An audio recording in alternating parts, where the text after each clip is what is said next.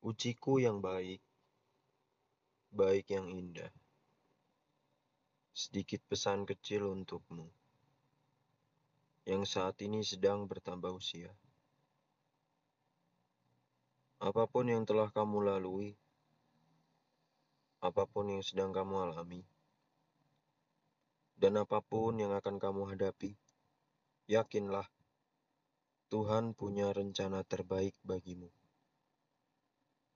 Lupakan masa lalu, nantikan masa depan, karena hal-hal terbaik belum semua Tuhan berikan.